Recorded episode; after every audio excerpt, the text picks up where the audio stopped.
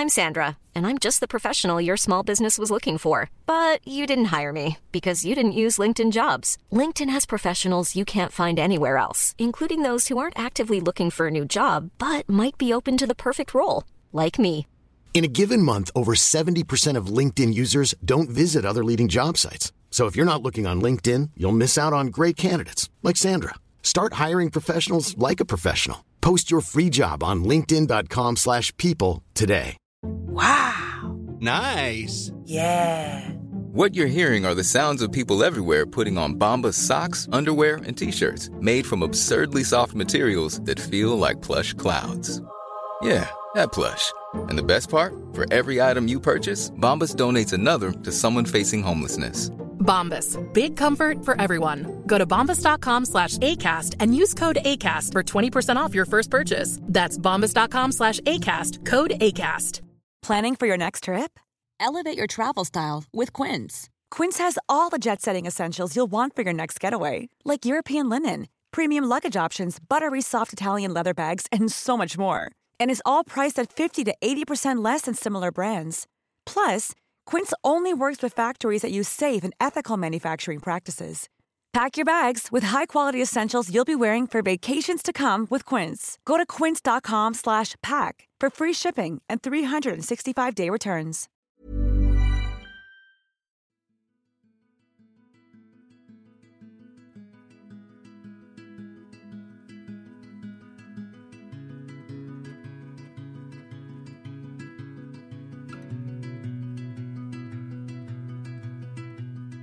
Hej och varmt välkomna till podden Sorgsnack.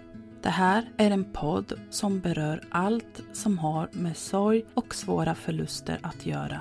När livet inte blev som vi hade tänkt, när något oväntat händer och hela ens liv vänds upp och ner över en dag och när vi tvingas ta farväl av någon vi älskar. Min förhoppning är att genom podden bidra till att hjälpa andra människor ge stöd, utbilda och sprida kunskap och inte minst inge hopp. Jag som gör podden heter Lia Persson, är journalist i grunden och även certifierad handledare i sorgbearbetning. Idén till podden föddes ett år efter att jag förlorade mitt första barn. Det här var början på mitt nya liv. Livet som nybliven mamma och samtidigt änglamamma. Hej och varmt välkomna till podden Sorgsnack. Idag sitter jag här med tre fantastiska tjejer som är initiativtagare till Mors. De tre vännerna förlorade sina mammor i suicid och idag har de funnit stöd i varandra och vill även hjälpa andra. Hej och varmt välkomna till podden Lola, Elvira och Felicia. Tack så mycket. Kul att vara här. Ni har ju känt varandra väldigt länge. Inte bara liksom i samband med det här utan tidigare. Eh, om du vill börja berätta, Elvira? Ja, ehm, vi har ju eh, ja, men alla tränat truppgymnastik på egentligen olika håll och i olika föreningar.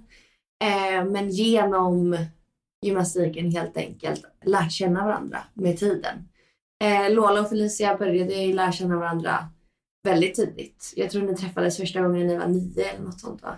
Jag tror att första gången vi träffade varandra så vi hade ju sett varandra i gympahallen. Och så, jag kommer i alla fall ihåg det väldigt tydligt att vi var på en ungdomsklubb, kanske man kan kalla det, som hette 1013. Mm. Där man kunde läsa böcker och göra aktiviteter och spela spel. Ja, det var väl tänkt som ett bibliotek men det var väl lite så här ungdoms... kunde träffas för 10 till 13-åringar. Ja. Där båda vi var av en slump och eh, kände igen varandra och började hänga lite. Mm. Ja. Och sen eh, jag och Lola då började vi hänga mer under ett gympaläger lite senare. När vi var 13, 14. ja, exakt. Och sen efter det då så var vi med i landslaget tillsammans. Eh, gick samma gymnasium och efter det har vi bara hängt ja, men, mycket ihop. Där ser man. Ja. det är sjukt faktiskt. Men eh, så är det. Framförallt när man tänker på att eh, ni alla tre ja, har drabbats av samma livsöden. Det här med att förlora sin mamma i suicid. Mm. Du Lolla förlorade din mamma 2013. Ja, exakt. Så du var den första som Mm. drabbades. Kan du berätta om det? Ja, min mamma eh, hade endometrios i grund och botten. Eh, som är en eh, sjukdom kopplad till väldigt mycket magsmärtor. Eh, och den är inte farlig eller dödlig överhuvudtaget, men man kan ha otroligt ont. Eh, och min mamma kämpade med den här sjukdomen under stora delar av hennes vuxna liv. Hon fick aldrig riktigt bukt på de problemen. Eh, man gjorde operationer och sådär, men hon hade liksom kroniska smärtor av det som resulterade i en depression. Och jag som barn, eh, egentligen hela tiden som jag har varit medveten om min omgivning så har nog min mamma mått eh, rätt dåligt. Men för mig var det också normaltillstånd någonstans. Så jag förstod ju inte riktigt det. utan Det var ju så min mamma var liksom. Eh, och sen då så blev det väl successivt värre de sista åren. Och även om jag kunde kanske se skillnader i vår vardag och sådär så det var, jag förstod inte att min mamma mådde dåligt förrän då ja, första oktober 2013. Eh, så vet jag att jag hade varit i skolan. Jag hade glömt, jag tror att det var mina gympakläder hemma. Vi hade idrott. Och jag skulle gå hem och hämta mina idrottskläderna då. Och då brukade jag alltid smsa mamma när jag skulle komma hem för att min mamma jobbade hemifrån. Fick inget svar. Och jag gick hem men jag vet att jag hade liksom en konstig känsla i magen. Och någonstans där så vågade jag inte först gå in. Så jag sket i gympakläderna, gick tillbaka till skolan. Men sen efter skolan så behövde jag verkligen de där gympakläderna för jag skulle åka till gymnastikträningen. Så att jag kommer hem, ropar, får inget svar. Och så ser jag min mammas dörr stå på glänt. Och eh, då hittar jag min mamma där då, på golvet. Då blev det tydligt att hon hade gått bort i suicid liksom. Och då, sen i efterhand, nu kan jag verkligen förstå hur dåligt min mamma mådde under åren fram till den här punkten. Men jag förstod inte det där och då liksom. Så att, ja. Och därifrån sen så, det var någon form av liksom bara total panik. Jag förstod ju inte hur det hade kunnat bli så här och min pappa var han som hanterade allting som ringde ambulans och allt sånt. Och sen gick vi ganska snabbt tillbaka till vardag. Liksom. Jag ville inte öppna upp mig, jag ville inte prata med någon, jag ville bara så fort som möjligt tillbaka till rutiner. Jag ville gå i skolan, jag ville gå på gymnastikträningen. Och jag upplevde en stor skam kring det sättet min mamma hade gått bort på. Jag tror att jag kände dels ett, ja, men en, en skuld till viss del tror jag. Att man inte hade förstått hur dåligt hon hade mått. Men också, vi har pratat mycket om det, att man upplever många gånger att när man pratar om suicid som ämne så kan man få som respons att det uppfattas som något själviskt. Vi har fått höra sådana kommentarer. Så här, jag skulle aldrig göra så mot mina barn och sådär. Och den typen av kommentarer gör ju någonstans att så här, den bilden vill inte jag att folk ska ha min mamma. För att hon var inte självisk. Hon älskade sina barn mer än något annat. Så jag valde ju bara någonstans att vara helt tyst om det bara. I massa år. Egentligen fram tills Elviras mamma är borta. För du var ju inte så gammal då. Nej, 12 år. Mm. Och du nämnde att du hittade henne. Var du själv då? Ja. När du gick in i... Jag. Och det var, alltså var det uppenbart då vad som hade hänt för dig? Eller? Jag tror inte riktigt, jag förstod att det inte var bra. Liksom. Eh, Jag kunde inte där och då förstå att hon var död. Men någonstans så förstod jag nog det. Jag hade inte fått svar på henne på hela dagen. Hon svarade alltid snabbt i telefon. Eh, Det satt post-it-lappar egentligen på hela golvet med hjärtan på. Så att det var, det var ganska tydligt vad som hade hänt ändå. Och du nämnde att du stängde in allting och ville egentligen inte prata om det. Var det så med din pappa också? Eller kunde ni finnas där för varandra? Jag eh, har en pappa som är fantastiskt duktig på att prata öppet och han ville bolla väldigt mycket med mig och mina systrar och ville att vi skulle prata öppet om det. Eh, Och bjöd in till samtal många gånger men eh, jag var inte mottaglig för det inom familjen. Jag tyckte det var extremt jobbigt. Eh, Så den möjligheten fanns i familjen men jag ville inte det där då. Och jag upplever inte, det hade möjligen varit lättare för mig min pappa ville ju också att jag skulle gå och ta stöd liksom externt, vilket jag också totalt motsatte mig. Vilket jag idag ångrar starkt. Men jag vet också, jag känner mig själv. Alltså jag var så envis som barn så att det var ingen som hade kunnat få mig och jag tar det stödet förrän jag var mottaglig för det. Liksom. Ja.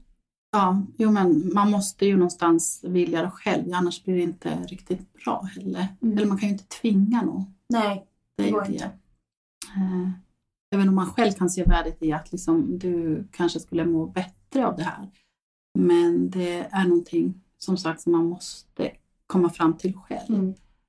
Och sen är det kanske en del av själva sorgprocessen man måste hitta vägen dit själv. Och, det, och den vägen ser ju olika ut för alla. Hur man liksom hanterar och tar sig dit. Ja. Mm. Men någonstans också, man, man förstår ju inte som barn vilka konsekvenser ett sånt här trauma kan få för en på längre sikt.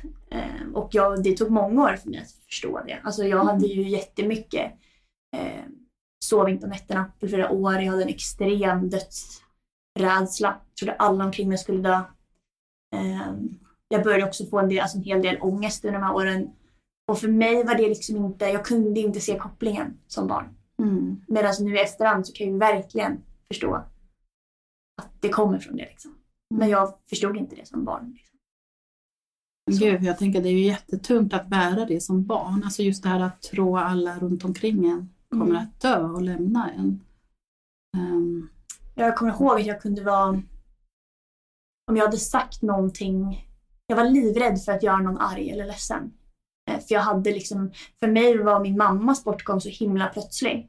Eh, Så att jag... I mitt huvud så var det som att om jag sagt någon kommentar som någon uppfattat som elak eller taskig, det, det skulle kunna resultera i suicid. Liksom. Mm. Så, så orationell var jag i mitt tänkande under den Mm. perioden. Liksom. Det känner jag också igen mycket. Eh, ja, men precis i början för mig var, var min mammas bortgång också så plötslig att, ja, men som du beskriver, helt plötsligt trodde jag att alla kunde göra det om man bara sårade dem lite grann eller om man sa fel sak eller om man inte hade hört eller fått ett sms på ett tag. Då var jag övertygad om att okej men den här personen har också ja, men, gått bort i suicid nu för att och chocken, ja det var en sån chock och din mamma dog eh, sommaren 2018. Exakt. Eh, så fem år efter Lolas mamma gick bort då, så gick min mamma också bort. Ja, men, eh, jag och min stora syster var ensamma hemma. Eh, hade sommarlov. Jag kommer ihåg att jag stod och bakade kakor med liksom båda händerna i ja, men en bunke med kakao. Liksom. Så jag är helt kladdig om händerna när det ringer på dörren.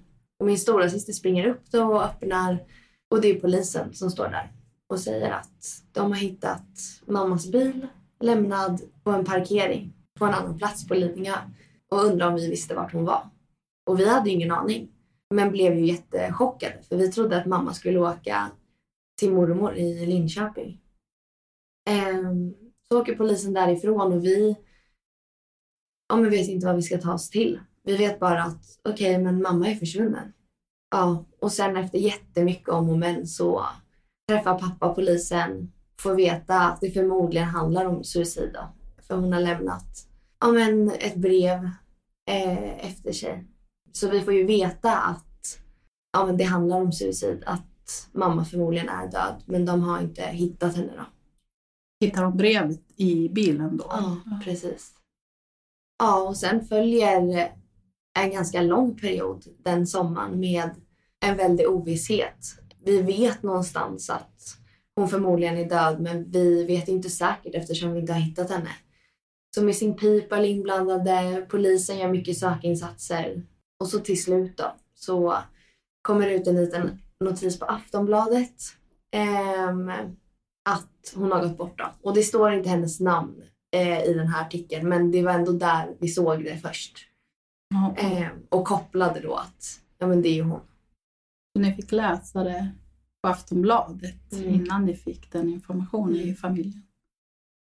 Och polisen ringde snabbt efter. Så de var, det var inte en lång period men eh, det kom ändå där först. Men ändå. Mm. Mm. Det ska ju inte gå till på Nej, det sättet. nej såklart. Visste de då, eller fick ni reda på vad som hade hänt då? Ja, ehm, Jag tänker att ni vi. måste ha haft alltså, många frågor så kunde ni få svar på de frågorna då. Ja, ehm, alltså det blev ju mer klart. Eh, men vi hade någonstans ett hum om vad som hade hänt. Ehm, jag, där och då, visste inte att min mamma hade mått dåligt så för mig var det en sån himla chock. Mm. Men pappa kunde ju ändå berätta att nej men hon har ju varit utbränd och mått dåligt. Ehm, så på något sätt så var vi ändå inställda på att hon har gått bort i suicid och det är det här och det här som har hänt. Men det är klart att det fanns ett enormt hopp fortfarande hela, hela tiden ehm, om att det inte skulle vara så. Mm. Ehm, så när beskedet kom sen så var det ju ja, men en extra... Det blev ju en chock en gång till. För att innan visste man någonstans undermedvetet men man vill Mm. inte och behöver inte komma till insikt om det. Inte riktigt Eh, ta in det helt. Liksom. Precis. Mm. Och så helt plötsligt så finns det inga tvivel. Mm. Och då finns inte det där hoppet längre. Och då ja, men rasar det bara undan. Och blev en chock och blev en enorm sorg. Det blir ju ytterligare ett lager av sorg. Precis. Ja. Men hur, lång tid hade det gått då från det att hon försvann tills att hon hittade? Hur länge? Alltså hade- vet du att jag kommer inte ihåg Nej. alls faktiskt. Det känns som att det var jättelänge. Mm. Och två månader kanske. Men jag är inte säker på att det var det. Det kanske var bara Det var ju tre veckor, två veckor.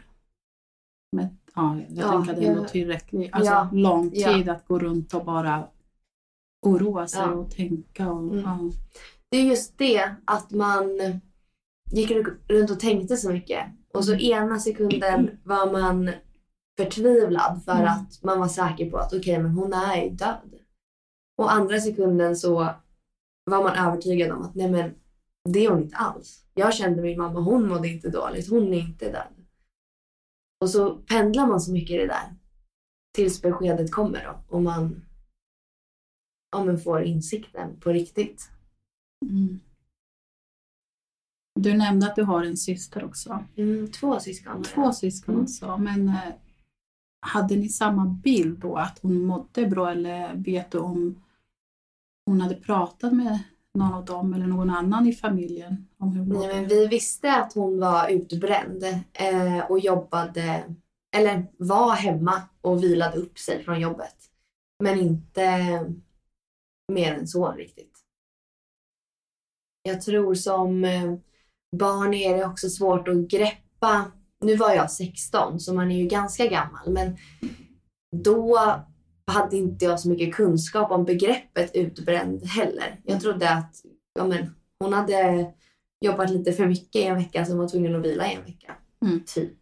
Ehm, så man, man förstår inte innebörden riktigt av utbrändhet och depression förrän ja, men det kanske blir verklighet för en. Mm. Nej, precis. Och det är ju svårt att veta oavsett. Ja. För en vuxen också. Ja. Det är extremt svårt att veta. Och, men då, när din mamma dog, Ja. var det då ni två, Lolla och, eh, Elvira, började prata om det här? Mm. För du hade ju inte berättat om det tidigare, Nej, hur? precis. Eh, jag fick hum Ja. Nej, men via en gemensam kompis. Vi, vi var ju bra kompisar vid en Mm. tidpunkt och hade umgåtts mycket. Eh, men en gemensam kompis till mig berättade att din mamma hade gått bort i suicid. Mm. Och då var ju min, direkt min första reaktion att så här, jag måste ju berätta för Elvira Mm. att min mamma gått bort på samma sätt. Liksom. Det var ju så självklart helt plötsligt. Eh, och så berättade jag ju för dig. Och sen den dagen egentligen så har vi verkligen pratat extremt mycket Ja. eh, högt och lågt kring det här ämnet och vi har pratat mycket om det att det var ju någonstans som att jag började- påbörjade min sorgprocess eller sorgbearbetning då. För jag hade inte gjort det. Nej. Jag hade verkligen bara gått tillbaka till livet och tryckt undan allt. Du hade tryckt på paus. Ja. liksom. ja. Förrän Alviras mamma är borta. Mm. Och jag kommer ihåg mycket som jag berättade att jag kände där och då. att Lola kunde vara, ja men du kunde säga det att så här, komma på, men gud så betedde jag mig eller de menen eh, eller oron eller det här med att inte sova på nätterna och orolig för att folk skulle gå bort. Det hade jag med. Eh, så vi kunde verkligen alltså nästan gå igenom det tillsammans för att ja, men, vi hade på något sätt så lika erfarenheter att vi kunde bara alltid finnas där ja, för Mm. varandra. Men hur var din eh, reaktion när du fick reda på det? När Att Lollas mamma gick Ja. bort. Jag blev, Minns du vad du så, kände ja, jag blev så lättad. Eh, och det låter väldigt hemskt men det är fint på något sätt. För att jag var helt övertygad om att jag var ensammast i världen. Jag kommer ihåg att jag direkt när jag fick veta att mamma gick bort liksom började googla ehm, och försöka hitta forum där folk berättade att de hade varit med om samma sak. Och jag hittade ja, men, organisationer som Suicide Zero till Mm. exempel, vilket gör ett jätte, jätteviktigt arbete. Men jag letade efter de här ja, men, personerna man kunde se upp till som berättade för mig att jag inte var ensam. Som kanske också var unga och som bara öppet berättade om sin Mm. historia. Men jag hittade aldrig det, eh, upplevde jag. Och då när Lola berättade så var det som att det bara var en tyngd som lättade från mitt hjärta och jag visste att okej, jag är aldrig, kommer aldrig från den här dagen vara helt ensam i det. Mm. Ehm, och det är svårt att beskriva. Jag har nästan glömt att det var lite så, men när jag tänker på det så var det verkligen... Jag kunde känna mig så trygg i att okej, men jag kommer alltid ha Lola i alla fall. Mm. Ja, men just få den här igenkänning Mm. och gemenskapen i Mm. att kunna hitta någon annan som vet mer eller mindre exakt vad man går igenom. Mm. Skapa igenkänning. Ja, och ja, men finna någon typ av gemenskap i det. Eh, på ett sorgligt sätt eftersom den gemenskapen helst inte ska behöva finnas. Men om den väl, ja, men om händelsen väl är framme så är det så fint och vi har ju kommit fram till det mycket i efterhand. Så det har varit så viktigt för båda två. Och för Felicia också. Mm. Mm. Ja, verkligen. Och eh, Felicia, du förlorade din mamma. Det var i januari förra året. Ja, imorgon är det ett år sedan. Ja. Så 24 Så. januari 2023. Hur känns det att det snart har gått ett år? Det känns sjukt. Det känns ju inte som att det har gått ett år sedan jag träffade mamma. Mm. Och eh, på samma gång så känns det som att det har gått väldigt lång tid. Det beror på liksom hur man ser på det. Men eh, det är klart att det är jobbigt.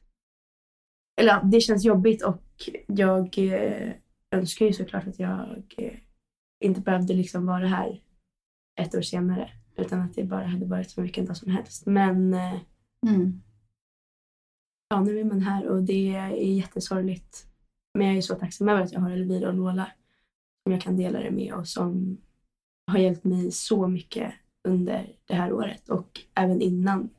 Min mamma mådde ju dåligt under väldigt många år och i och med att de kunde öppna upp sig om vad de hade varit med om så kunde jag även få förståelse för det jag hade varit med om. Även om min mamma fortfarande levde så hade ju hennes psykiska ohälsa, hennes psykiska ohälsa hade ju också visats fast på andra sätt. Liksom, som jag kunde relatera mer. Mm. Mm. Kan du ta, ta oss tillbaka till den dagen? Vad som hände? Ja, det var... Den dagen så var det liksom inte så mycket som hände utan det var ju en lång period från att mamma var väldigt ung och redan då led av psykisk ohälsa från barnsben liksom till att hon blev äldre och ja, men hon hade anorexia i väldigt många år, ätstörningar, hon eh, var deprimerad, hon eh, var suicidal, eh, låg inlagd mycket på olika insatser um, men från väldigt ung ålder. Och har väl sen jag föddes i alla fall liksom ändå stått på benen.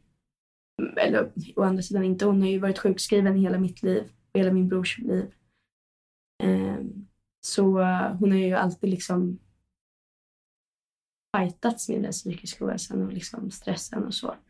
Men så jag är ju uppväxt med det och det är väl det som jag har kunnat relatera till er redan innan min mamma gick bort. Att jag har kunnat liksom se min mamma i era mammor. Mm. Att eh, ja, men hon inte mådde bra och att ja, men när jag var jämngammal med er så, eller när jag var jämngammal med det att ni förlorade era mammor så gjorde min mamma suicidförsök och eh, mådde dåligt på olika sätt. Liksom. Så jag kunde ju relatera de grejerna där och då. Sen så går det ju perioder, eller har det gått i perioder. Så i november 2022 så gjorde hon ett suicidförsök. Ehm, och då förstod inte vi att det var ett suicidförsök först. Vilket eh, alltså blev en väldigt stor chock. Sen fick vi veta att det var ett suicidförsök och eh, vi behövde då hjälpas åt väldigt mycket. Hon låg inlagd på psykiatrin men skrevs ut och eh, ja, vi fick hjälpas åt väldigt mycket i att hjälpa henne och liksom inte behöva lämna henne ensam. Jag, min brorsa och min bonusmamma fick verkligen finnas där och försöka göra vårt bästa utifrån det man liksom kan anta att man bör göra. Ehm, och sen uppfattade vi det som att, jag vet inte om det var vi som hoppades eller att vi faktiskt trodde det, men något gjorde att vi uppfattade det som att hon blev bättre i alla fall. Vilket också är vanligt när någon är suicidal, att man, man upplevs som väldigt glad ibland. Man liksom har bestämt sig. Så sen två månader efter det suicidförsöket i november, i januari alltså, då var jag på jobbet och fick ett samtal av min bror. Och mellan de här två månaderna så, eller inte bara de här två månaderna, men under liksom ens livstid att, av liksom oro och så, att man man är väldigt uppmärksam på meddelanden eller om någonting händer. Är det någonting som gäller mig? Om jag hör en siren på en ambulans? Har det hänt någonting med mamma? Eller vem har det skadat? Är det någon i min närhet? Eller det är problem med tunnelbanan? Har min mamma hoppat framför tåget? Eller vad det kan vara. Och sådana känslor har jag ju upplevt under en mycket längre period. Men under den här perioden då mellan november och januari förra året, eller då var det ju extra påtagligt. Så så fort min brorsa ringde eller någon ringde var det ett okänt nummer. Jag kan fortfarande inte inte svara på okända nummer för det kan vara någon som vill mig någonting viktigt. Liksom. Att då, då tog jag alla samtal och alla sms extremt seriöst. Så när min brorsa ringde så var jag nästan förberedd på att han skulle säga någonting som jag inte ville höra. Liksom. Även om jag inte trodde att det var... Eh, trodde, jag trodde inte att mamma var död, liksom, men jag förväntade mig att det var någonting. Så jag svarar på jobbet eh, och han säger det mamma är död. Och eh, de orden går ju inte att greppa liksom. Oavsett om jag säger dem nu eller om jag sa dem då eller om fem år. Jag tror aldrig att man kommer kunna förstå att mamma inte finns liksom. Eh, och efter det så eh, är det ju väldigt liksom mycket som händer. Man, man håller inte koll på vad som är vad riktigt. Men jag hoppar in i första bästa taxi, åker till SÖS och möter upp min bonusmamma och min bror mormor, sitter på ett, mormor och mormors syster sitter på ett flyg på väg till Stockholm. Och eh, vi får säga hej då till mamma för sista gången. Liksom. Sen var vi ganska snabba på, ja, men när, typ när, när, vi, eller när jag fick reda på att Åsa, Felicias mamma då, mm. eh, hade gått bort. Så fick man ju, man får ju en liten så här, den paniken man mm. upplevde när ens mamma gick bort. Det är alltså en liten sån liksom, panik mm. som man drabbas av igen. Det är väl också för att man, man bryr sig om. Liksom. Man Precis. vet att den är i samma sits. Liksom. Ja. Och mm. jag kan också säga, det känns så konstigt att säga men att jag tyckte det var svårt att veta hur jag skulle bemöta dig. Vilket också är helt ironiskt för att någonstans jag hade bemött Elvira, jag hade själv gått igenom det. Mm. Men alla är olika. Mm. Ehm, men du var ju väldigt, du vill ju prata väldigt snabbt. Ja, och det är nog mycket Alltså det är ju verkligen tack vare Elvira och Lola och på sin tur mors liksom som det har verkligen varit en självklarhet för mig att, att vara övertydlig med vad det är som har hänt. Kanske är det för att jag själv ska liksom kunna fatta men också för att jag inte vill hamna i en situation där det blir ett frågetecken. Liksom, utan jag, när jag kom tillbaka till jobbet, eller när jag skulle berätta för jobbet så var jag bara, ville jag bara säga det rätt ut att mamma har gått bort och det var suicid och du, min chef får jättegärna berätta det för mina resterande kollegor för att jag vill att alla ska veta. Och om jag träffar en ny kompis och jag behöver säga att jag är sjukskriven så säger jag mer än gärna att det är på grund av att min mamma gick bort i suicid för en månad sedan. Mm. För att jag, jag, och det, att jag vågade prata om det på det sättet och från början vara extremt övertydlig, det tror jag absolut har att göra med att jag själv processade det genom att säga det högt. Men också att jag kunde säga det högt var ju verkligen tack vare Lola och Elvira. Och det var väl också därför vi liksom skapade Mors, för att vi, vi har ju hjälpt varandra så extremt Mm. mycket i att våga prata om det. Och jag har ju kommit fram till det väldigt många månader senare att enda anledningen till att jag vågade säga det högt och att jag ville att folk skulle veta och att jag vågade prata om det så mycket det är ju bara för att jag har haft er. Jag har ju kommit fram till det att liksom, om jag inte hade haft Lola och Elvira som jag delade det här med då hade jag nog inte vågat prata om det alls. Då hade jag inte velat berätta varför mamma gick bort. Jag hade nog känt en skam och jag hade nog känt, ja men, känt att det var betydligt mycket jobbigare. Skulle absolut kunna se mig själv liksom ljuga om anledningen till att mamma gick bort. I så fall. För att jag inte ville prata om det. Men också någonting, ja, men typ för mig då som ändå har till en början varit tyst om det i många år, Mm. eh, till att då börja prata om det. Förstår verkligen vikten av att prata om det.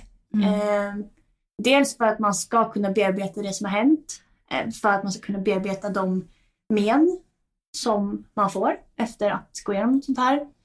Och man, man behöver, man, Du ser vikten i att men man behöver prata om det sig. för att kunna bearbeta det och för att ja, men en familj ska kunna fortsätta leva. Liksom. Kunna vara tajta, kunna prata om Mm. Ja, saker. men då lever man med en så stor sorg att en nära har gått bort i suicid. Så är ju det en extrem sorg. Och att då lägga på en ytterligare liksom sorg i att inte våga prata om det eller inte Mm. våga säga varför. Det blir ju bara kaka på kaka Mm. och liksom allt blir bara en jävla, oj förlåt nu svär jag, en smet liksom. ja men alltså det blir ju verkligen det. Ja, det- man man hjälper ju inte sig själv. sorgen? Nej, precis. Det blir ju tyngre att Ja. bära den sorgen. Ja, men och så här, det är ju också det, så här, vi har, ju- alltså, så här, det låter sjukt att så här, jag skulle tynga någon, vilket jag inte tror att jag gör. Men att om jag då får berätta för alla att de vet, då på något sätt så hjälps, hjälps jag att bära den här sorgen tillsammans med alla jag berättar för. För att de vet om det. Jag känner mig villig att de frågar om de vill och de, Mm. alltså, de bara kan känna av situationen. Mm. Och det, det är så otroligt viktigt och det är ju verkligen det som är grunden till Mors. Att så här, det stöd vi har fått, det är ingen självklarhet. Och modet vi har fått av att kunna prata med varandra, modet av att kunna prata högt om det, det är inte en självklarhet i en sån här situation. Det är inte alla som har två kompisar vars mammor också har gått bort i suicid. Men det är så viktigt Mm. att man kan enas och prata och liksom finnas där för varandra. Mm. Och det vill ju vi göra för så många fler än bara varandra. Liksom. För vi ser ju verkligen vikten av samtalet. Det är ändå liksom fint och bra att någonting så fint kan komma ur allt det här eländet som ni har gått igenom och den här enorma förlusten.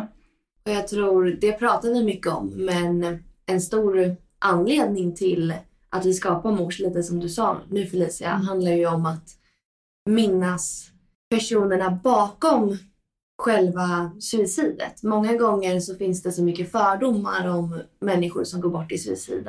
Men som Lola var inne på lite innan, att det är själviskt och man gör inte så mot sina barn och man är elak eller man Många får en annan bild av personen som går bort i suicid för att ja, men själva suicidet har en liksom dålig stämpel på sig Mm. skulle man kunna beskriva det som. Mm. Och att lika, alltså lika viktigt som det är för en person som förlorar någon i cancer att få berätta om hur fin den personen var eller vilket avtryck den personen har gjort. Lika viktigt är det att få berätta om någon som har gått bort i suicid. För den personen har också gjort lika mycket avtryck och varit lika fin. Jag menar just det här, alltså vikten av att, ja men det du var inne på där, men att så här, suicid är liksom en livsfarlig och dödlig sjukdom, precis Mm. som cancer och jättemånga andra sjukdomar. Eh, skillnaden är bara att den inte fysiskt, alltså den existerar inte fysiskt utan den existerar eh, psykiskt. Mm.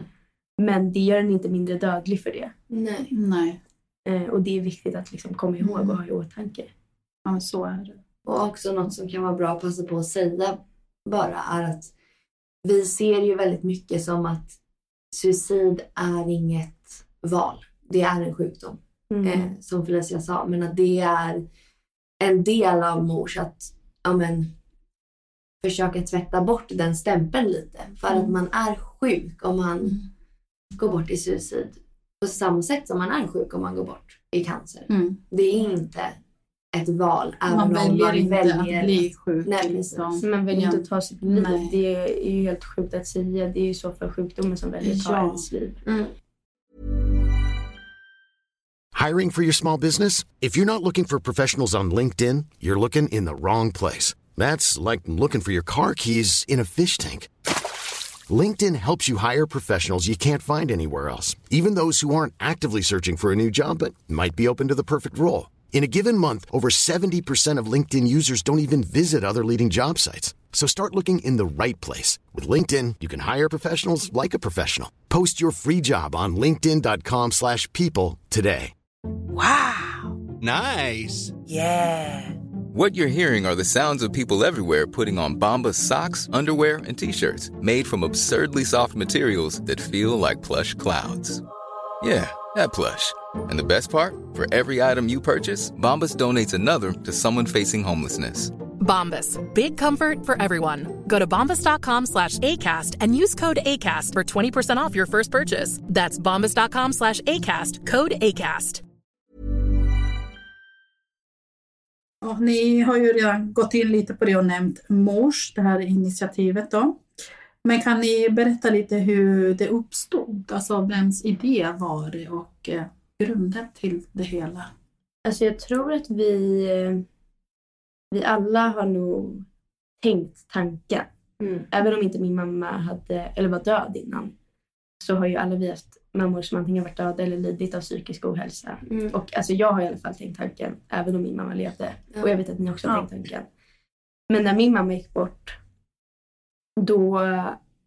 Alltså det fanns ju inget självklarare på den här jorden än att, att vi måste göra någonting. Alltså måste, för vi är liksom...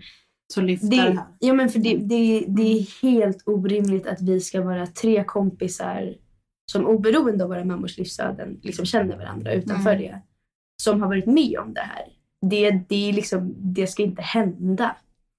Men det blev på något sätt så absurt att vi liksom insåg väl att någonting måste komma ur det här. Mm. Ja, och sen så efter att mamma hade gått bort, då var väl, det var ju inte så att ni kanske ville så pang på rödbetan och var så Felicia, vi ska göra det här nu för att jag var Direkt liksom, liksom. Nej. Men jag gjorde ju det. Ja. För att jag, där kunde jag ju styra och ställa mig eftersom Ja. att det var jag som liksom var i den sorgen där och då. Ehm, så jag sa ju det, att vi måste göra det här. Mm. Och vi började spåna idéer väldigt fort och började researcha och se vad det var vi ville göra, hur vi kunde göra det, vad som funkar, vad som inte... Alltså, allt det där. Och det började vi med alltså, i januari förra, eller i början av februari förra året.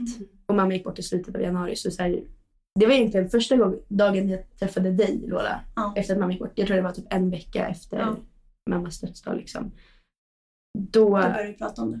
då tog vi upp det. Mm. Ehm, sen kan ni inte, jag vet ju inte, om fem år kanske jag är så här, och jag bara tryckte undan allting och fokuserade på mors. What do I know? Men just nu så känner jag att det har varit extremt viktigt för mig. Jag, Alltså att få göra det här och jag har också nämnt tidigare kanske, men att så här, att få göra det här och oavsett om det är jobbigt, alltså fysiskt jobbigt för att man liksom behöver sitta med mejl eller man behöver sitta administrativt eller man behöver fixa saker eller psykiskt jobbigt att säga fan, jag, igen, förlåt, men så här, att jag saknar mamma väldigt mycket eller att jag, eh, att det blir jobbigt och påtagligt.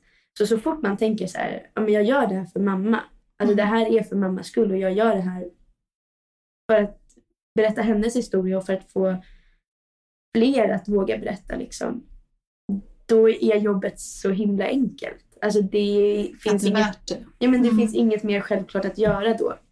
Då blir ingenting är liksom jobbigt längre då. Och det, det är så skönt att få, i alla fall för mig, att liksom på riktigt få göra någonting med händerna. Att få arbeta med det i mammas namn. Liksom. Det är liksom som att jag får finnas där för mamma nu. Även fast jag vet att det liksom är för sent att finnas där och göra någonting för att hon skulle, ska överleva. Men jag får liksom ta igen det i efterhand och det är en otrolig känsla. Liksom. Nej, men vi, vi landade ju ganska snabbt. Jag, jag skulle säga att det var ju, även om vi alla hade tänkt tanken, det var ju när du yttrade det Felicia, Mm. att du ville göra skillnad, eller skillnad, men att du sa att vi måste göra någonting. Det var ju då vi agerade på det. Mm. För vi kände väl, jag och Elvira då, att det måste komma från Felicia, för det här är så pass nytt. Mm. och då, det vi landade i ganska snabbt var ju att vi vill berätta våra mammors historier. Eh, vi vill berätta våra historier, hur det är att vara efterlevande till suicid. Och genom att göra det så hoppas ju vi på att fler ska våga göra det. Eh, och att ja, men en del av det stödet vi har funnit i varandra, att folk kanske ska kunna finna det, finna det i, hos oss. Mm. Så att vi valde ju då eh, att designa smycken till en början. Så vi har tagit fram tre stycken halsband. Mm. Ja, precis. Så att vi har ju Tre jättefina halsband verkligen. Och de symbol, alltså det är ju med olika symboler, Mm. symbolik på dem. Precis. Kan ni berätta liksom va- varför det blev just de här tre olika symbolerna? Ja, jag, eh, Lola då, har en, eh, en ballerina och det har jag valt för att dans var otroligt väsentligt i min mammas liv. Eh, hon var balettdansös under hela sin uppväxt och jobbade som vuxen med att eh, regissera filmer som nästan alla hade en form koppling till dans då.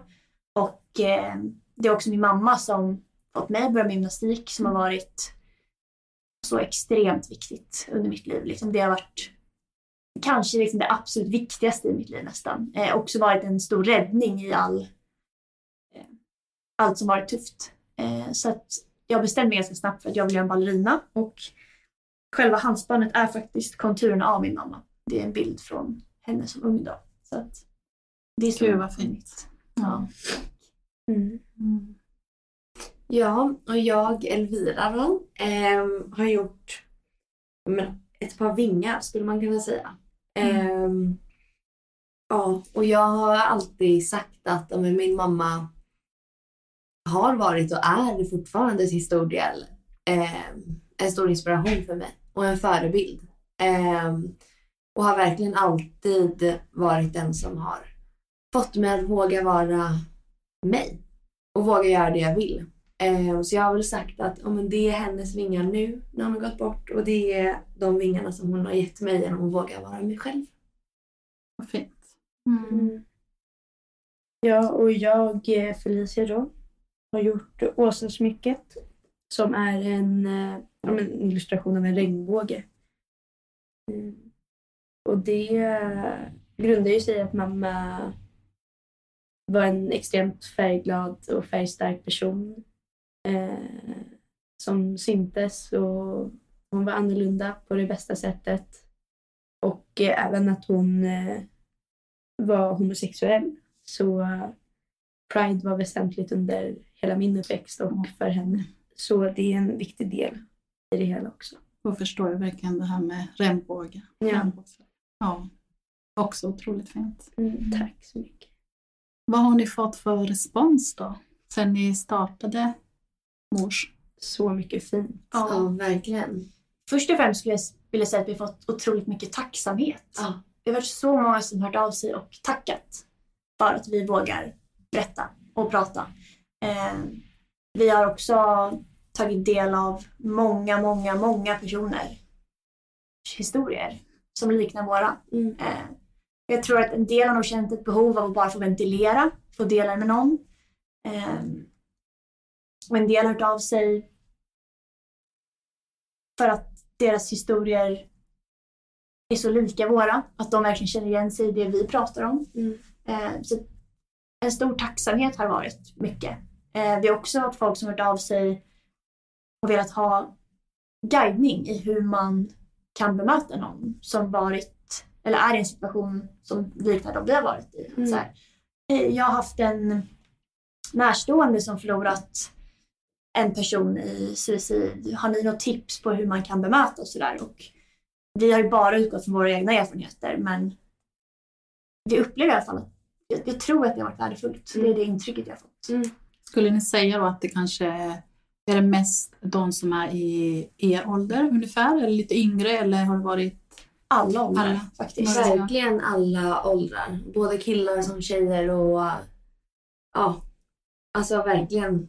Det är väl Från 11 till eh, 70 har hört av sig. Det har varit väldigt spridda skurar men egentligen bara fina saker. Ja. Och så mycket viktiga saker liksom. Och, Och det det är vi ju själva så tacksamma för också. För Ja. att det är så fint att få göra någonting fint av alltså traumat om man Mm. ska säga så rakt ut. Mm. Men och att liksom få se att, att det verkligen behövs och Mm. att så många vill ta del av det här och att så många redan nu söker sig till oss och som ja, men, vågar öppna upp sig eller vågar fråga eller vad det nu innebär. Men eh, många som, ja, men som du säger Laura, visar väldigt stor tacksamhet. Och det är väl lite vår tanke framåt också. Att det är ju någonstans det vi vill att mors ska vara. Eh, Vi vill att mors ska vara en plattform för att sprida information och kunskap kring suicid, suicidprevention och psykisk ohälsa. Mm. Vi vill att mor ska vara en plattform där folk kan finna stöd. Vi kommer att använda vår plattform för att låta andra personer dela sina liknande historier. Och någonstans så är väl liksom slut, det stora målet med det här är ju att minska stigmatiseringen och tabun kring suicid som ämne. Liksom. Men va- varför tror ni att det är så tabubelagt att prata om det här? Det går väl väldigt långt bak i tiden, tänker jag. Alltså, det var liksom inte många år sedan människor som gick bort i suicid inte ens fick begravas på en kyrkogård.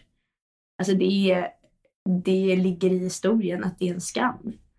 Och den skammen sitter kvar. Även om, om jag skulle säga att den yngre generationen är bra på att prata om psykisk ohälsa och bättre än vad det var förut så, så är det fortfarande en skam. Och speciellt när det kommer till suicid.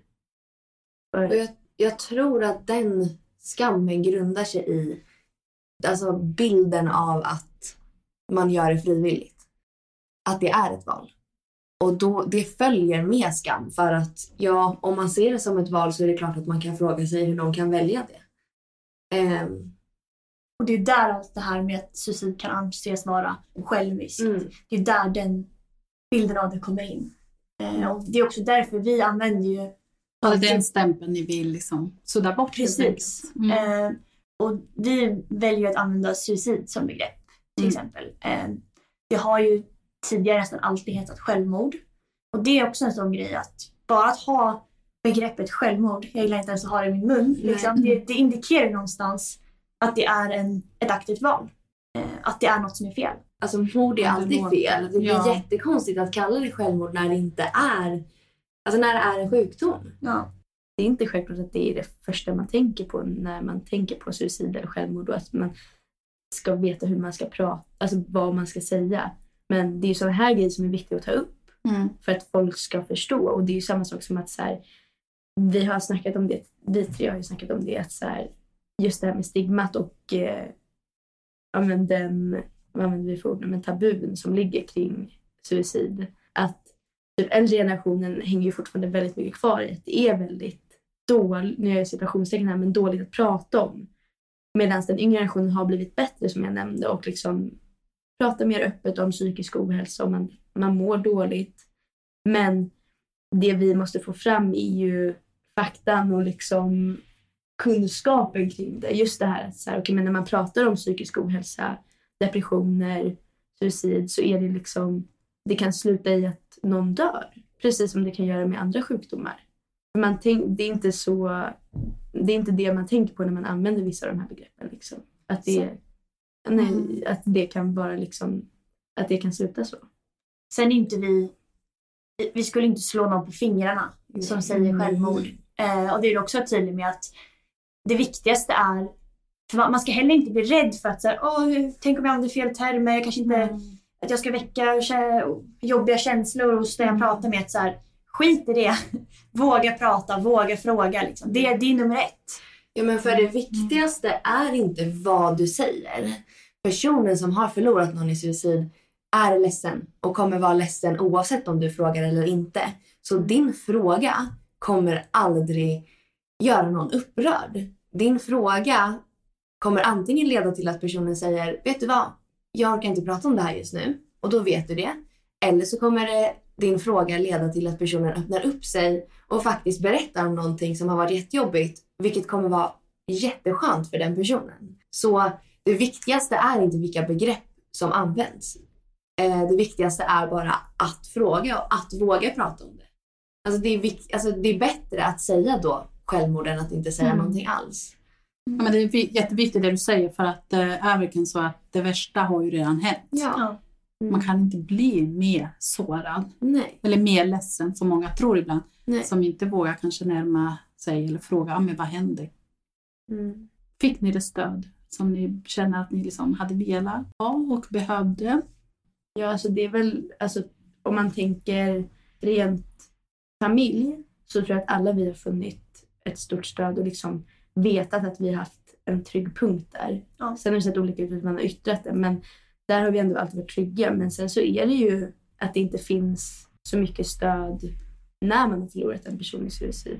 Det är ju någonting man i så fall i sorgen ska orka ta tag i själv. Mm. Eh, Och det gör man ju inte. Nej. Inte. och det, och det säger ju liksom som det är. Men jag i alla fall, och jag tror del ni får berätta själva, men jag har ju absolut funnit extremt stor stöd och liksom så mycket kärlek i familj och Mm. andra vänner också såklart. Jag upplever nog att vi har haft men, en otroligt fin familj där jag vet att det har funnits stöd om jag velat ha det. Eh, även om jag kan tycka att det många gånger är... Jag upplevt det som tufft att ta det stödet i familjen. Eh, för där är det ju någon form av liksom gemensam sorg man har ändå. Sen har det ju varit liksom personer utanför familjen som har tagit ett, ansvar som kanske egentligen inte ligger på dem i min mening. Ja, det kan vara allt ifrån en jag hade en lärare under mellanstadiet som brydde sig väldigt mycket om mig eh, och liksom försökte fånga upp mig. Eller en gymnastiktränare som har brytt sig väldigt mycket om mig och försökt prata med mig där. Men jag upplever inte att det har funnits någon som helst stöd liksom, inriktning på det alls. Eh, det var ju ingen liksom, men, psykolog eller sådär som jobbade med barn som förlorat en förälder i suicid. Mm. Det fanns ju inget sånt liksom, organiserat stöd. Det fanns inte. Nej. Det gjorde det inte. Och det som man förstod efter en tid fanns, som till exempel stödgrupper och sådär. Det kändes ju i alla fall för mig som barn extremt långt bort. Mm. Att jag skulle orka ta mig till en grupp Mm. och sitta och prata. Det var helt orimligt i min värld. Mm. Så att jag upplevde inte att det fanns något liksom, externt stöd som var på en så pass lätt nivå att jag skulle våga ta det. Det upplevde inte jag. Nej. Nej, och vi eh, hade stöd eh, väldigt snabbt. Två jätte, jättefina eh, tjejer som kom hem till oss och var där, jag tror en gång i veckan eh, precis i början. Men det var ju bara för att min pappa var blixtsnabb med att boka in det. Det var ju liksom ingenting som fanns så om inte pappa aktivt hade sökt det och bokade det och betalade för det. Liksom. Var det alltså någon som hade samtal med er? Alltså var det någon Ja. terapeut, psykolog eller kurator Ja. liknande? Precis. Men återigen att man måste själv införskaffa alltså den hjälpen. Ja. Och leta liksom. Mm. Och veta vart man ska leta också, eller vart man ska vända sig. Det är ju inte lätt Ja, veta. det blir ju ett väldigt stort arbete om man först Mm. ska hitta vart man ska vända sig och sen ska man ta kontakten och sen ska man fullfölja den kontakten man fick. Alltså, det är väldigt många steg som ska klaffa och speciellt om man utgår från att den här personen är i sorg eller säger att det är en person som kanske är suicidal snarare. Då är det väldigt mycket begärt för att man ska orka göra de stegen. Liksom. Mm. Och ehm, hur skulle ni vilja utveckla det här konceptet med mors? Hur ser framtiden ut? Jag är väldigt mycket ja, men, idéer och tankar och har väl inte egentligen någon direkt eh, direkt plan utom det här då att ja, men, jobba just för eh, att minska tabut och stigmatiseringen genom att dela fler historier. Eh, men eh, vi har ju en liten dröm om att föreläsa eh, för skolor, idrottsorganisationer, eh, sprida kunskap på det sättet. Vi vill ju, ja, men lite som Lola var inne på förut, skapa ja, men, ett sammanhang kan man väl säga för efterlevande där man får göra saker ihop och berätta sina historier och finna stöd i varandra.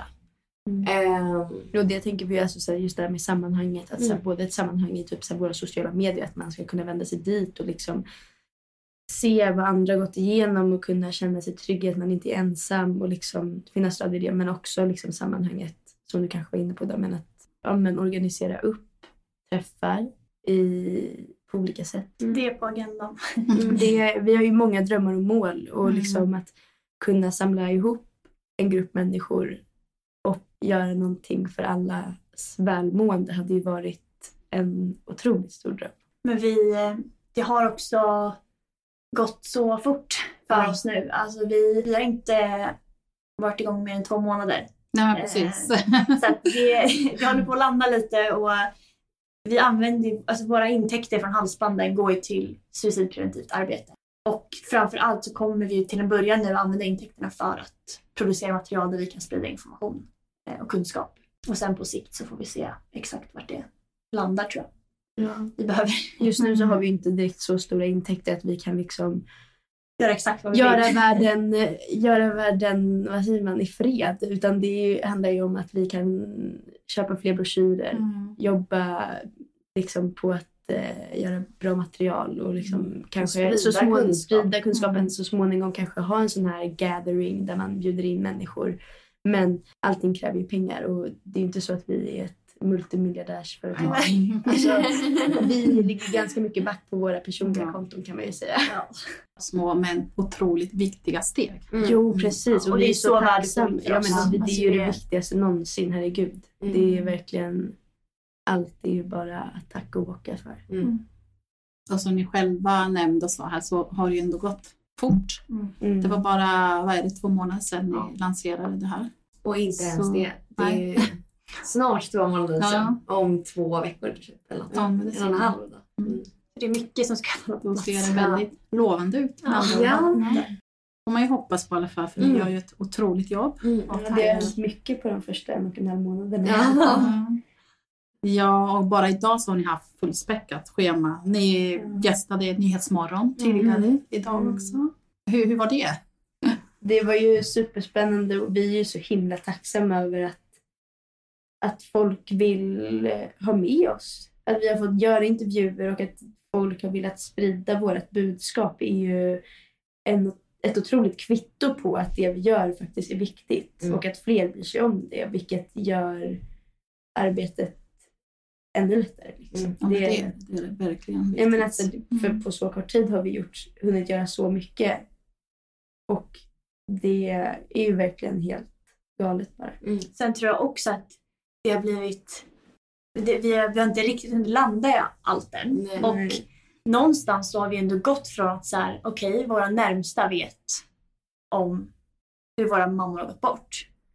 Nu vet, det finns ute för alla att Nu vet alla. Ja, Ja, och Eller alla kan ta del precis. Och att i många sammanhang så blir man lite förknippad med det nu. Ja. Eh, Och det tar lite tid att anpassa sig Mm.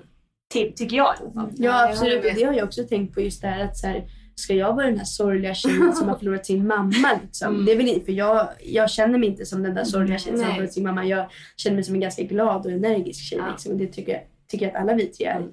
Så jag tror att det också är viktigt att vi liksom ska ha i åtanke nu. För att nu har det gått så himla fort och vi har gjort så mycket intervjuer där det är mycket så. Jag, jag var 12 år från min mamma eller jag var 16 och jag var 21. Och liksom att, här, att man är mycket, det är mycket fokus men att, man liksom, att vi måste hitta det här arbetet men också liksom visa att här, man kan må bra. Vi är Mm. glada, vi har varandra och det är det som är vikten i liksom, att, här, när vi får prata om det här så kan vi, kan vi skratta och vi kan vara glada och vi kan sova de flesta nätterna. Ja. liksom så. Alltså, så att, man, man, att man kan komma en så himla bra bit. Liksom. Mm. Det är också en så himla viktig insikt att kunna ge till någon som kanske befinner sig i liksom mitt i en sorgeprocess eller precis i början av sin sorgeprocess. Att så här, det kommer inte alltid vara så tungt som det är nu. Nej. Vi alla har ju kommit en bra bit på vägen. Alltså vi, vi har så mycket bra saker i livet. Mm. Liksom, vi har framtidsdrömmar. Vi har så mycket vi brinner för. Och liksom, det, det finns alltid hopp och det blir alltid bättre. Och så är det verkligen. Mm. Ja, verkligen. Och det, det hoppas jag att vi kan eh, ja, men tillbringa de som tittar eller tar del av mors. För det hade jag nog behövt när jag var i den sitsen. Att så här, Mm. livet kommer fortsätta för att du har inget val än att anpassa dig nu. Ja, men, Liksom. och det, finns, det finns så mycket liksom, fint också i att bara fortsätta eller att Ja. liksom, bara ta sig an liksom, nästa grej. För att, det, att våga prata om det eller att liksom, våga yttra sig och sen ta sig vidare och att ja, men just det du säger, att man kommer må bra. Det är klart att man alltid kommer ha förlorat sin mamma eller vem det för mig då min mamma liksom. Men, men det gör inte att jag också kan vara glad. Alltså så här, jag, kan, jag får vara ledsen och det är okej att jag är ledsen. Och jag är ledsen. Men jag får också vara glad. Mm. Och jag är också glad. Ja, det är Det är fullt helt- naturligt och normalt. Mm. Ja, för det är helt okej att ha två, tre, fyra, fem känslor samtidigt. Ja. Man får, ju, man får skratta och man får gråta i samma minut om man vill det. ja. Och vi kan ju citera Carolina av Uggla som sa till oss Ja. idag på nyheter, Ja, Nyhetsmorgon. Hon sa till oss idag att om man inte mår dåligt ibland då är man ju sjuk i huvudet. Ja, så då är man en tråkig människa. Ja, då är man en tråkig människa och det... Alla mår Ja. dåligt. Mm. Ja, men alla känslor ryms liksom här inne, verkligen. Ja, men och det, är, det är så det är. Mm. Man måste få vara ledsen ibland. Oavsett om det är för att man slår i lilltån i dörrkarmen eller om det är för gud vet vad. Men, Mm. men känslor kommer finnas där hela Ja. tiden. Och det kan vara blandade känslor som du säger. Elvira. Och en sak som vi kan vara säkra på det är att alla bär på någon sorts sorg. Mm. Alltså det finns så mycket alltså, Ja. som ryms inom sorg och vi Mm. kommer alla förr eller senare gå igenom tuffa saker och eh, även förlora någon Mm. i vår närhet. Ja, men så här, det jobbigaste man har upplevt i livet kommer ju se olika ut för olika personer. Mm. Men sorgen kan ju fortfarande vara lika stor. Mm. Så Absolut. det är också viktigt att ha i åtanke. Mm. Man växer också, upplever jag, man växer som person ur sorgen. Mm. Att man, man blir lite härdad. Ja. Och någonstans så vet man att så här, okej, jag kunde ta mig igenom det här. Jag kan ta mig igenom vad som helst. Nej, men li, alltså, Så lite så. ja, man har klarat en väldigt djup dal och så nästa djupa dal som kommer då har man gjort det en gång Mm. och har lite mer erfarenhet i ryggsäcken. Liksom. Man lär sig hantera alltså, Ja, men precis. sorgreaktionen när den kommer. Ja. Någonstans man har- man gjort det en gång, eller två eller tre, eller hur Mm. man än har gjort det, så har man ju ändå fått någon typ av erfarenhet i hur man kan hantera det. Och förhoppningsvis kunna applicera det på nästa gång också. Mm.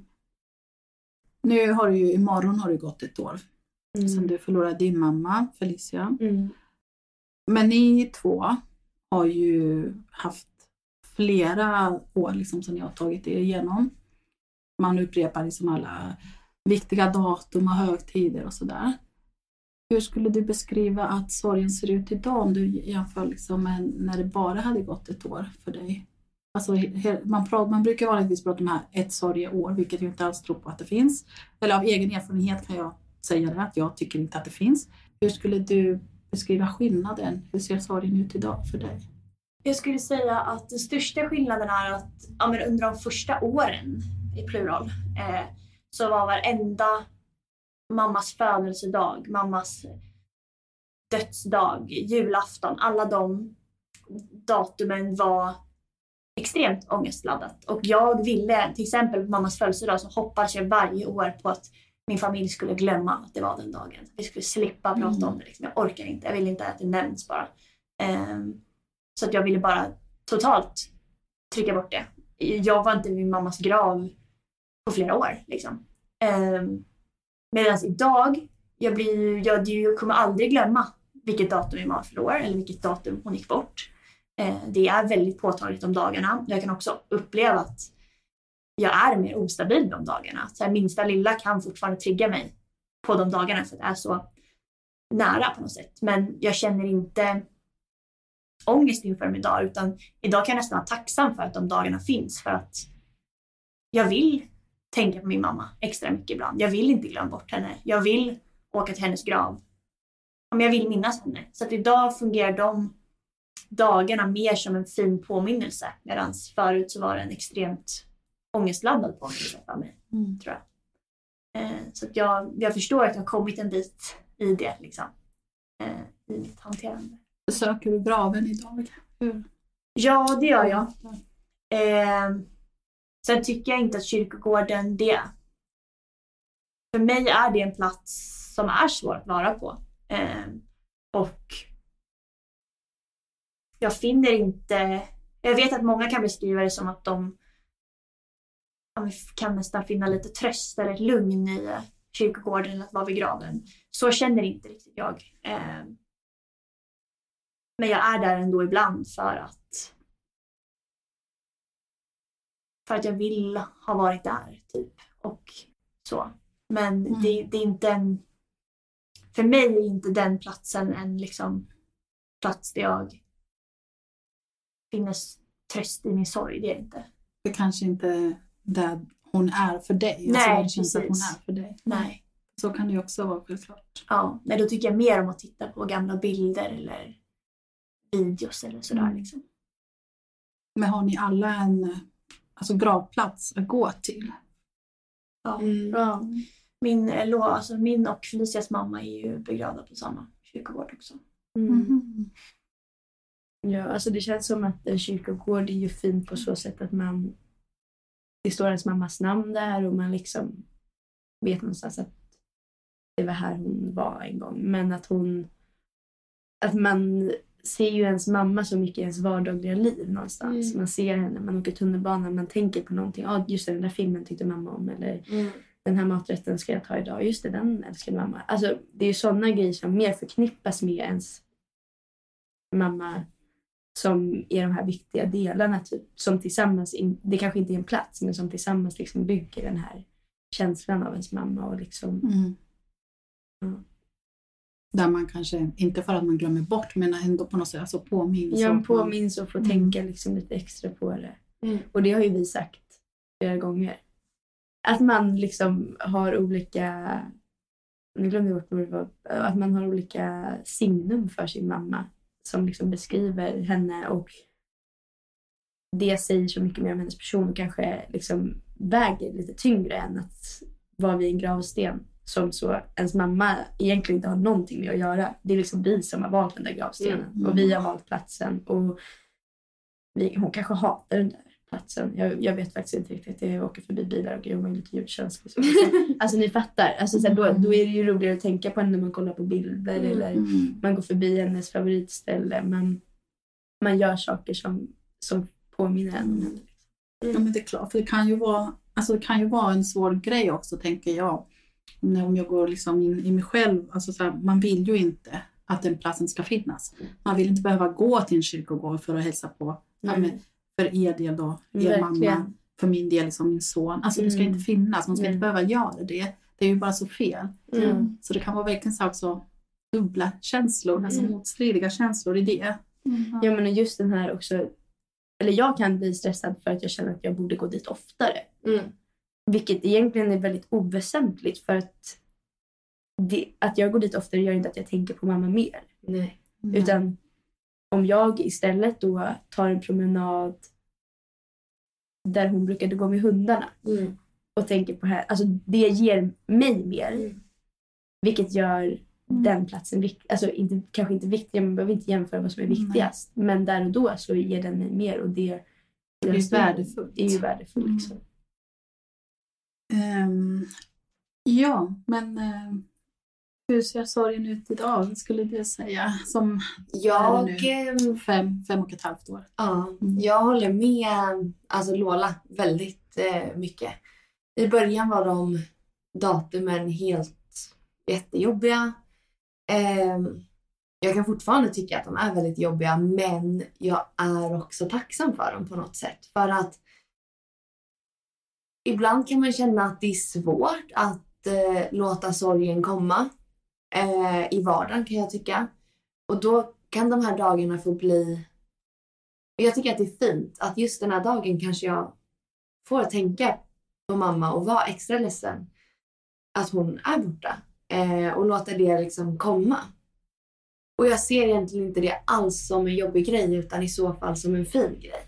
Att okej, men då passar jag på att minnas henne den här dagen. Och, och liksom, sorgen kan ju komma, upplever jag ibland, jättestarkt fortfarande. Jag håller väldigt mycket med om det här att sorgeåret finns inte. Utan det är sorgeperioder. Jag kan känna att jag drunknar i sorgen för att den är så fruktansvärt stark fortfarande ibland. Men det finns också en fin sida av det nu. Jag gillar att tänka på min mamma. Jag gillar att eh, prata om min mamma. Jag gillar att tänka på eh, ja, men minnen och vad hon har gett mig. Och jag är väldigt... Jag är fortfarande, alltså jag är väldigt tacksam för den tiden vi fick. Tänker jag ofta på. Det är sorgligt att vi inte har tid framåt men jag är väldigt, väldigt tacksam för att hon var just min mamma under de åren som hon fanns och var där. Just det här med att man kan tillåta sig själv att vara ledsen. För att även om jag alltid är fine, alltså jag är alltid okej okay med att jag skulle bli ledsen över någonting och jag skulle alltid låta det komma fram. Men i en vardag när man jobbar heltid eller pluggar heltid, sen ska man hem och käka middag, man ska umgås med någon. Alltså ni vet, det är hur mycket som helst som händer. Och sen ska man gå och lägga sig på kvällen och då kanske känslan kommer ikapp en. Men då behöver man sova för jag ska upp igen om sju timmar kanske. Mm. Och då är det så här, nu hinner inte jag vara ledsen. Mm. Inte för att jag trycker undan det, men bara för att säga, jag hinner inte det. Och att då ibland så måste man bara få de här stunderna. Man mm. bara måste släppa ut det. Och då, får, då kanske det kommer hur mycket som helst. Man får ventilera jättemycket. Men jag håller verkligen med om det där med att, här, att man kanske vill. Men just nu så hinner jag inte för att livet kommer emellan. Mm. Och någonstans så kan i alla fall jag ändå känna att jag kan göra valet där. Då att så här, nu behöver jag sova. Men att jag då en annan kväll kanske kan vara så. Nej, men nu behöver jag bara få ut det här liksom. Mm. Och att då får det ta den tid det tar liksom, och jag får mm. känna vad jag vill känna. Mm. Men när de här dagarna kommer, de här mm. perioderna sådär, när det kan bli så extra påtaglig, mm. är det då varandra ni ringer till i första hand eller hur, hur ser det ut? Ja, för mig är det nog det. Mm. Ja, absolut. Alltså, vi pratar ju extremt mycket nu. Jag, jag har upplevt att de veckorna som har varit nu, eh, sen vi eh, lanserade Mors, alltså bara idag har vi säkert mm. pratat åtta timmar på riktigt mm. om mm. våra mammor och det vi har gått igenom. Att mm. Det kan bli extremt påtagligt ibland. Att jag nästan så här, liksom får lite panikkänsla. Så här, det bara är så mycket som är tungt. Eh, och då ger jag sig det till er. Mm. Mm. Eller till. Att, så här, för ibland förstår jag inte mina egna reaktioner heller. För jag tycker inte att det är jobbigt att prata om det jag har gått igenom idag. Nej. Men ändå så kan de här fysiska reaktionerna komma. Att jag bara så här, äh, men de kan komma när man minst anar det. Precis. Mm. Och då, då är, tycker jag det är jätteskönt att kunna ventilera det mer. Att så här, mm. Nu känner jag mig helt urladdad mm. och jag förstår inte varför. Och då ofta så har ju någon av er så här, ja men jag med. Mm. Ja men och det är också så här typ för att man, även om du skulle vara med några andra av dina liksom nära vänner så kanske du hade kunnat uttrycka någonting i likhet med det du säger till oss. Men när vi är med varandra och man kan uttrycka den, den känslan eller det man upplever. Det blir en helt annan typ av förståelse. Eller ett ja. helt annat, typ- för att så här, det finns, inte för att någon av våra kompisar inte för, försöker förstå eller skulle skuldbelägga en. Men för att här är det verkligen så du kan säga vad som helst. Mm. Och ingenting kommer förändra liksom, känslan i rummet eller ingenting kommer liksom förstöra förstöra våran känsla under dagen. Utan det är bara så, okej okay, men just nu känner du så här, that's fine. Ja. Det är helt okej okay. och vi vi blir inte annorlunda gentemot dig bara för att du säger det här. Nej. Mm. Vi känner varandra så bra också. Mm. Alltså, vi ser på varandra på en sekund. Så, ah, nu är det något med Elvira, nu är hon tyst. Är det okej? Ja. Ja, nu har Felicia somnat ut. Oj, oj, som spänner sig? Vad är det? Alltså, så här, det är så tydligt också. Mm. Det, Men jag kan tänka mig att det måste någonstans också vara lite skönt att mm. ha några andra så nära en själv mm. som verkligen, där, där liksom allt är okej. Okay. Alltså att säga, yttra och visa också känslomässigt mm. utan man känner liksom Ja, men det är ingen i det här rummet som tycker att jag liksom håller på att bli galen eller tappar det helt och Nej. att det är okej okay liksom att vara i alla de här känslorna.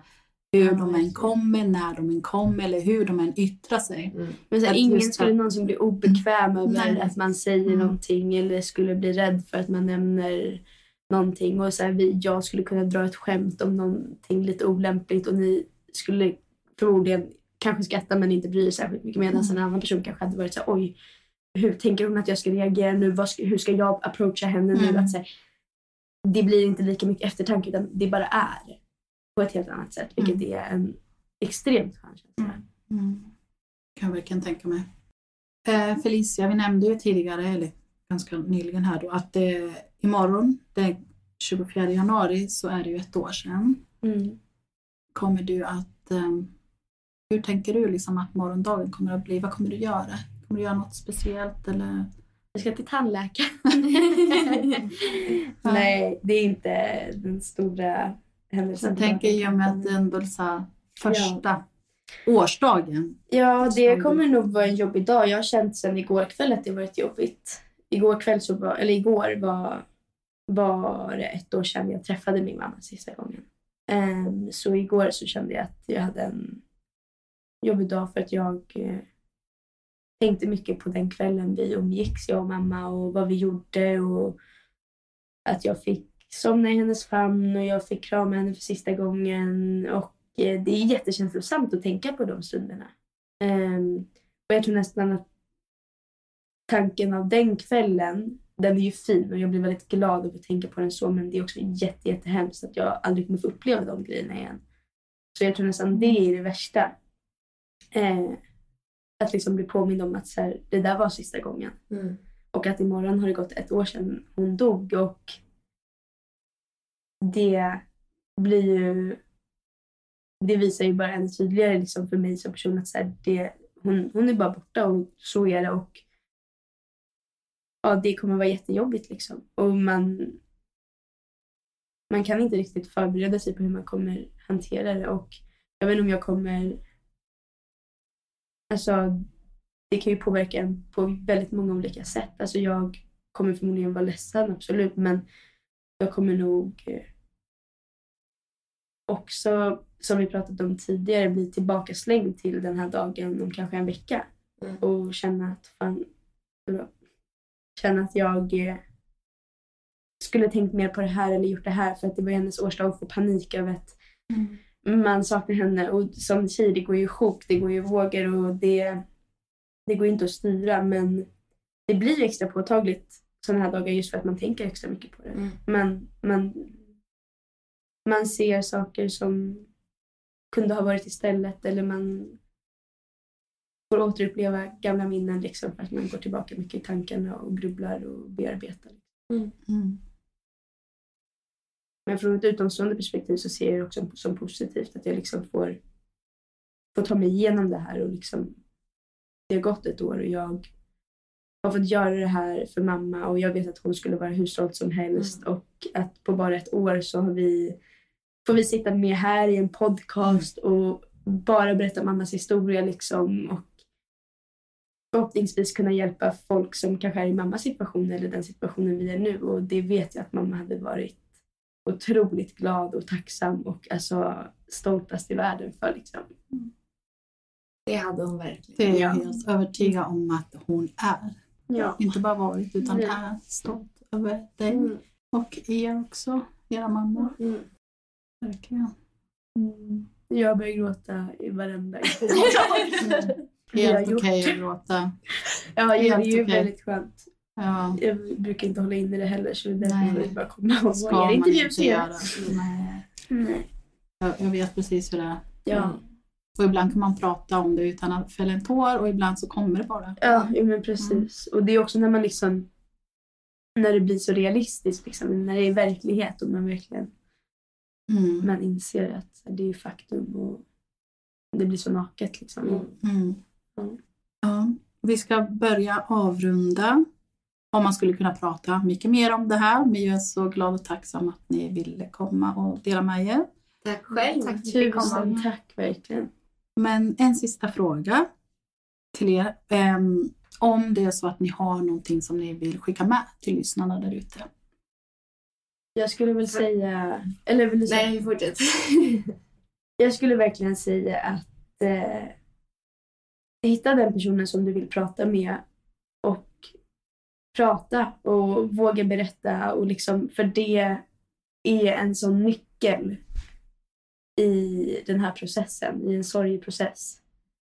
Att våga prata om det oavsett vad det är för sorg man liksom bearbetar. Så så här, att våga prata högt och dela med sig är, ja, men det är en nyckel för att kunna ta sig vidare. Liksom. Och oavsett om det är att man pratar om det genom att man kanske bara skriver dagbok och liksom pratar med sig själv på det sättet. Eller om det är att man hittar en eh, person eller man går till en psykolog. Det kan vara vad som helst. Men börja någonstans. Prata med dig själv i spegeln. Kanske låter hur töntigt som helst men bara öppna upp dig Mm. på något sätt. Jag kan säga lite från andra hållet då också. Att våga fråga. Våga lyssna. Ehm, det gör enorm skillnad att låta någon öppna upp sig. Även om man blir obekväm. Fortsätt fråga frågor. Lyssna hela vägen. Eh, även om någon inte öppnar upp sig och du vet att någonting har hänt. Ställ den obekväma frågan. Det kommer vara jättejobbigt att ställa den och det kanske kommer bli stelt men den frågan kommer göra skillnad. Och det var faktiskt exakt det jag hade tänkt säga också. Som Elvira sa nu. Eh, våga fråga. Hellre en gång för mycket än en gång för lite. Ja. Och ta hand om varandra. Mm. Många kloka, fina och viktiga ord, verkligen. Tack för att ni ville komma. Tack så mycket för att vi fick komma. Tusen Och, eh, tack. Ja, och eh, stort lycka till framöver också. Ja, detsamma. Tack så mycket. Tack till dig som lyssnar. Fortsätt gärna med det. Och glöm inte att du kan prenumerera på podden. Gör gärna det och dela gärna även podden om du tror att det kan ge stöd och tröst och hjälpa någon annan som behöver det just nu. Och har du en berättelse du vill dela med dig av?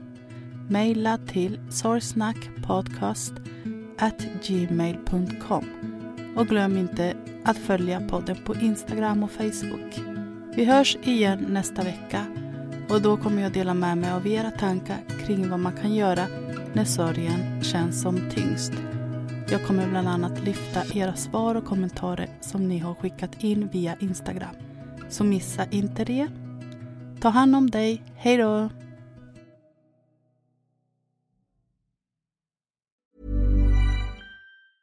Planning for your next trip? Elevate your travel style with Quince. Quince has all the jet setting essentials you'll want for your next getaway, like European linen, premium luggage options, buttery soft Italian leather bags, and so much more. And is all priced at 50 to 80% less than similar brands. Plus, Quince only works with factories that use safe and ethical manufacturing practices. Pack your bags with high-quality essentials you'll be wearing for vacations to come with Quince. Go to quince.com slash pack for free shipping and 365-day returns.